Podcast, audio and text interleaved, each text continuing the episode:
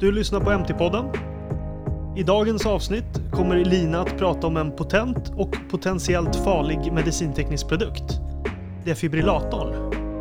Hennes genomgång kommer som vanligt att vara grundläggande och hon berör saker som användningsområde, hur den används samt dess funktion. Förutom detta har hon även valt att sammanfatta lite matnyttig information om HLR i slutet av avsnittet. Bland annat en studie om defibrillatorleverans via drönare och information om onlineutbildningar inom hjärt och lungräddning som du själv kan gå.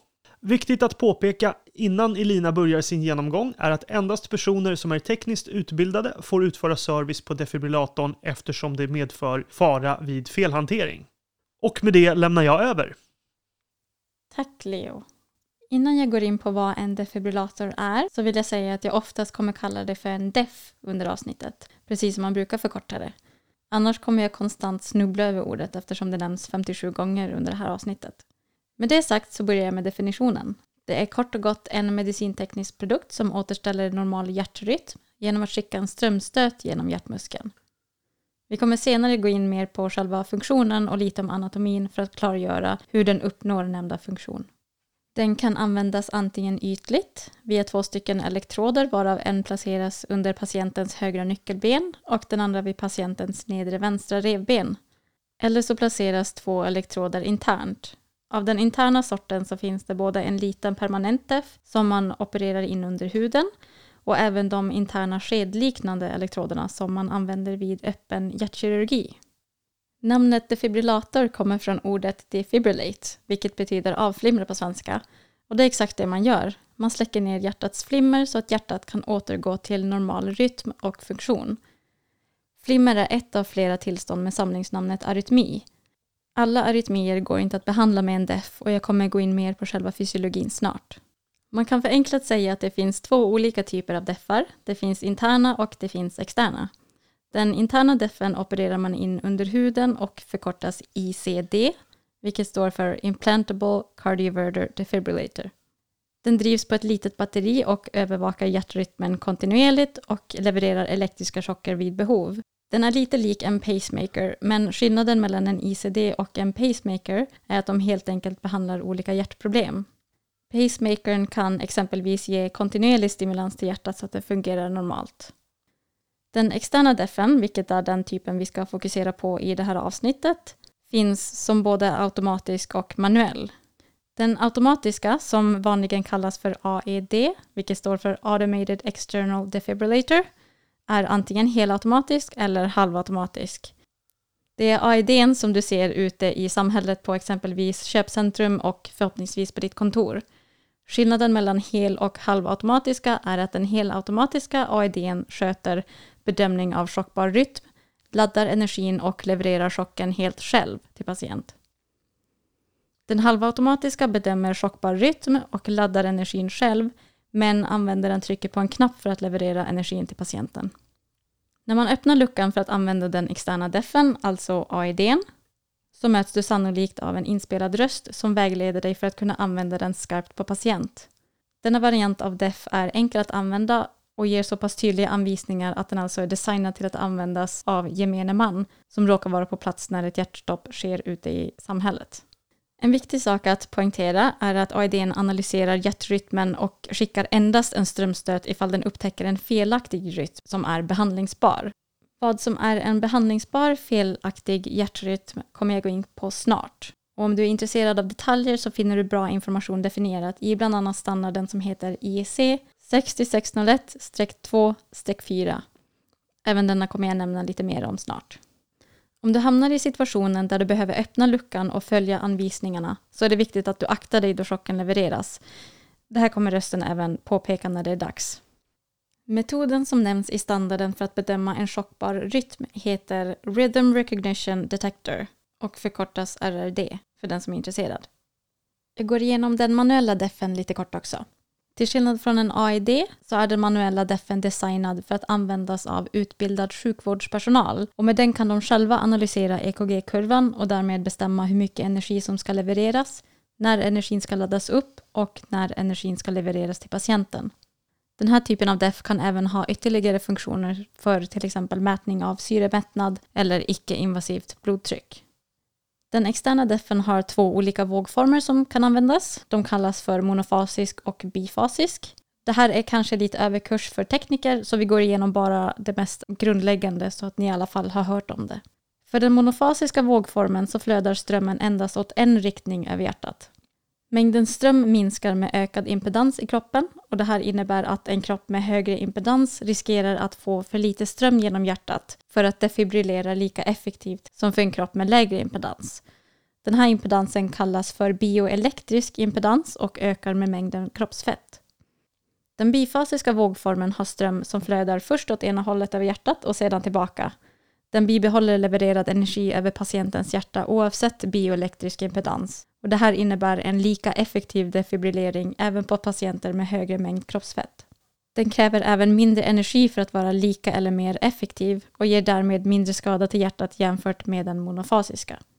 De första deffarna som användes var av bifasisk typ men i cirka 30 år fram till 1990-talet användes för det mesta monofasiska deffar. Man återgick till att använda bifasiska igen efter att man insåg att den bifasiska, som jag precis nämnde, kan ge en lika effektiv eller mer effektiv behandling på lägre energi. Och det är den typen som är vanligast idag. Jag vill dock nämna att det finns studier som visar på att den nämnda effektiviteten av de olika vågformerna varierar och därför har man exkluderat informationen gällande vågformer i standarden jag nämnde tidigare. Nu tänkte jag gå igenom fysiologin bakom DEFens funktion. Jag gör det på en grundläggande nivå så att det fortsätter vara relevant för en tekniker. En DEF har, som jag redan nämnt, potentialen att återställa en felaktig och oregelbunden hjärtrytm som kallas arytmi till en normalt fungerande hjärtrytm. Det finns olika typer av arytmier, där den vanligaste är förmaksflimmer och gemensamt för alla är att hjärtrytmen är fel på grund av att hjärtats elektriska impulsbana är skadad vilket är den som styr hjärtats normala funktion. Alla arytmier kan dock inte behandlas med en DEF. De som är behandlingsbara är exempelvis ventrikelflimmer, förmaksflimmer och kammartakykardi. Hjärtats kontraktioner uppstår med hjälp av elektriska signaler i hjärtmuskeln. Vid en normal hjärtrytm så börjar hjärtats elektriska impuls vid sinusknutan som ligger i höger förmak där det syrefattiga blodet från hjärt och kärlsystemet kommer in. Vid en arytmi så startar inte den här impulsen från sinusknutan utan från någon annanstans i hjärtat, vilket orsakar en hjärtrytm som antingen är för snabb, för långsam eller oregelbunden. Det här orsakar i sin tur en felaktig kontraktion av hjärtat, vilket leder till svårigheter att pumpa tillräckligt mängd syrerikt blod runt i hjärt och kärlsystemet. Och då syresätts inte kroppens celler som det behövs. Som ni säkert förstår så är detta dåligt. Och det är här som hjärt och lungräddning kommer in, eller HRL förkortat. Det är till för att hålla kroppens system igång med transport av syresatt blod till cellerna under tiden som hjärtat inte klarar av att göra det. Blodet pumpas då runt manuellt i kroppen med bröstkompressioner och blodet är syresatt genom inblåsningarna. För att återställa normal funktion av hjärtat så räcker det inte enbart med HLR, utan man måste använda en DEF för att återställa hjärtats elektriska impuls så att den startar från sinusknuten igen. DEFen skickar energi genom hjärtmuskeln på upp till 360 joule det här är en energi av tiotals ampere och tusentals volt över en tidsperiod av ungefär 3 till 10 millisekunder, vilket är en enorm energi som gör att hjärtmuskeln kraftigt krampar till och när muskelfibrerna sedan relaxerar igen så är den elektriska banan och därmed kontraktionerna förhoppningsvis återställd till normaltillståndet. Nu tänkte jag berätta lite om den standard ur 601-familjen som jag nämnde lite tidigare Sen tar jag även upp lite om DEFens MDR-klassificering. Den aktuella standarden gällande säkerhet och prestanda för både AID och manuella DEFar är som sagt IEC 6601-2-4 och den senaste versionen är från 2011. Denna standard anger saker som noggrannheten av levererad energi, maximal tidsfördröjning till levererad energi, igenkänning och särskiljning av chockbar och icke-chockbar arytmi, samt noggrannheten av pulshastighet, ström och varaktighet. Ett exempel som standarden nämner är allvarligheten av en elektrisk chock som en person kan få när den rör vid berörbara delar under tiden då en defibrillering sker på patient. Och att den ska vara begränsad till att kännas obehaglig men samtidigt vara ofarlig. Detta inkluderar även sipsoppar. Den här standarden gäller dock endast för de externa deffarna och det finns självklart även fler standarder som kan gälla parallellt med denna. De tidigare nämnda interna och implanterbara deffarna går under standarden 60601-2-27, vilket hanterar säkerhet och prestanda för utrustning för EKG-övervakning. Elektroderna på externa deffar har såklart även de också en funktion för att övervaka EKG, men går inte under den här standarden eftersom elektrodarean är större. De interna har såklart även högre krav i och med att det är en klass 3-produkt. Därför med ytterligare funktion såsom syremättnadsmätning och blodtrycksmätning måste såklart även följa andra standarder som är relevanta för just den tekniken. Som jag precis nämnde så är en intern DEF klassificerad som klass 3 medicinteknisk produkt i MDR. Därför tänkte jag också läsa upp delar från de reglerna som används för att komma fram till detta. Manuella DEFar klassificeras enligt regel 9 och i den svenska versionen av MDR så citeras en del av regel 9 så här.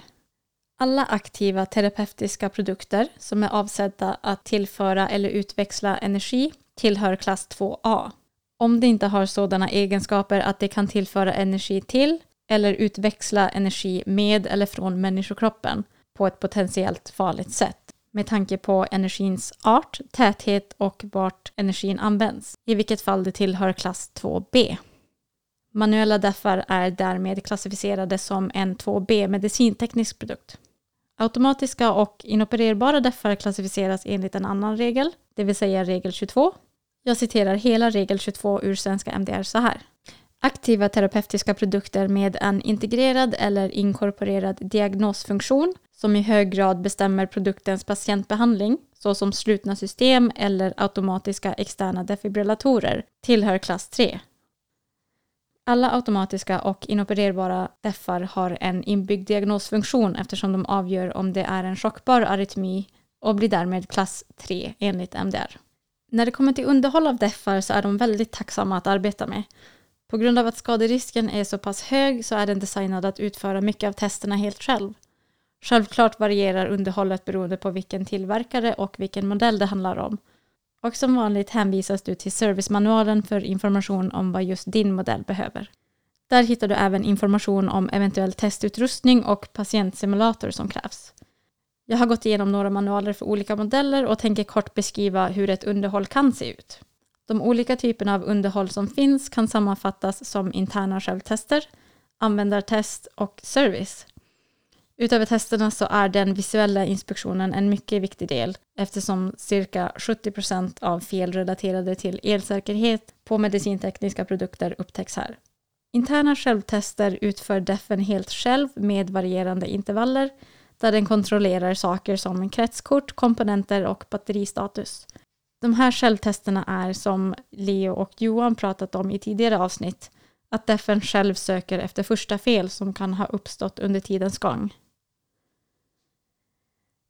Användartesten är oftast samma test som Defens automatiska självtest och ska utgöras ifall den har indikerat att ett självtest inte har blivit godkänt. Här kan eventuella felkoder genereras och skickas till leverantör för felsökning. Service innebär helt enkelt att skicka iväg den till en auktoriserad servicepersonal. Återigen vill jag understryka vikten av att endast utföra de tester som servicemanualen godkänner. Är man auktoriserad servicepersonal och har öppnat en DEF för eventuell reparation så krävs det mer än bara enkla funktionskontroller. Här pratar vi högspänningstester. Högspänning kan göra ont och testutrustningen är lite dyrare. För underhåll av en enklare AED så är det rutinmässig inspektion av saker som kablage, batteristatus och elektroder samt rengöring som gäller. Kontrollera även att det interna självtestet har gått igenom. Har det inte gått igenom så indikerar den troligen det på en yttre display. Indikerar den för service så skickas den som sagt iväg till auktoriserad servicepersonal.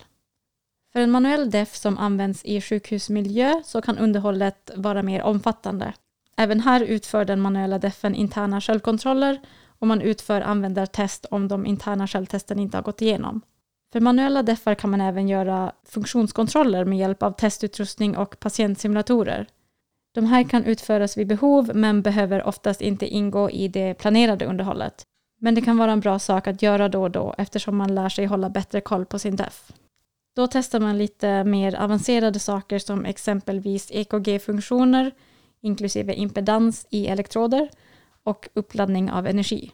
Förutom underhåll av defen så krävs såklart kontroller av andra funktioner såsom koldioxid, SPO2, icke-invasivt blodtryck samt tillbehör såsom exempelvis en skrivare. Som Leo nämnde i introt tänkte jag passa på att uppmärksamma er på att HLR.nu har flera gratis webbutbildningar om hjärt och lungräddning. Ni hittar de här på webbutbildning.hlr.nu. Jag tycker att alla borde gå den standard HLR-utbildningen som heter Hjärt-lungräddning vuxen. Den tar cirka 20-30 minuter att genomföra, vilket är snäppet längre än den tiden du har lyssnat på det här avsnittet. Har du dessutom gått en praktisk HLR-kurs så kan du anmäla dig som sms-livräddare. Det här gör du via sms-livräddare-appen. Via den så kan ett larm skickas ut till alla med appen installerad som befinner sig i närheten av ett misstänkt hjärtstopp för att antingen hämta en DEF eller hjälpa till med HLR. Ni kan läsa mer på smslivraddare.se. Det kan kännas läskigt att anmäla sig som sms-livräddare, det tyckte i alla fall jag en lång period. Men det är bättre att kunna göra något än att inte göra något alls när det kommer till hjärtstopp. Och ju fler som hjälps åt, desto större chans är det att den som drabbats av ett plötsligt hjärtstopp klarar sig. Till sist vill jag sammanfatta en spännande utveckling inom hjärträddningsområdet med DEF-leverans av drönare. I en nypublicerad pilotstudie i European Society of Cardiology så undersöktes möjligheten för deffar att automatiskt levereras med hjälp av drönare till misstänkta hjärtstopp utanför sjukhusmiljö. Studien utfördes här i Sverige under fyra månader år 2020 och det studien kom fram till är att det var genomförbart för leverans av DEF med en träffsäkerhet inom 9 meters radie. Det var framgångsrikt i 92 procent av utryckningarna samt att drönaren kom fram före ambulansen i 64 procent av fallen med en median tidsvinning på lite under två minuter. Studien poängterar dock att ytterligare förbättringar behöver göras för att öka framgångsgrad och tidsvinning. Ni har lyssnat på ännu ett mästerverk från MT-podden.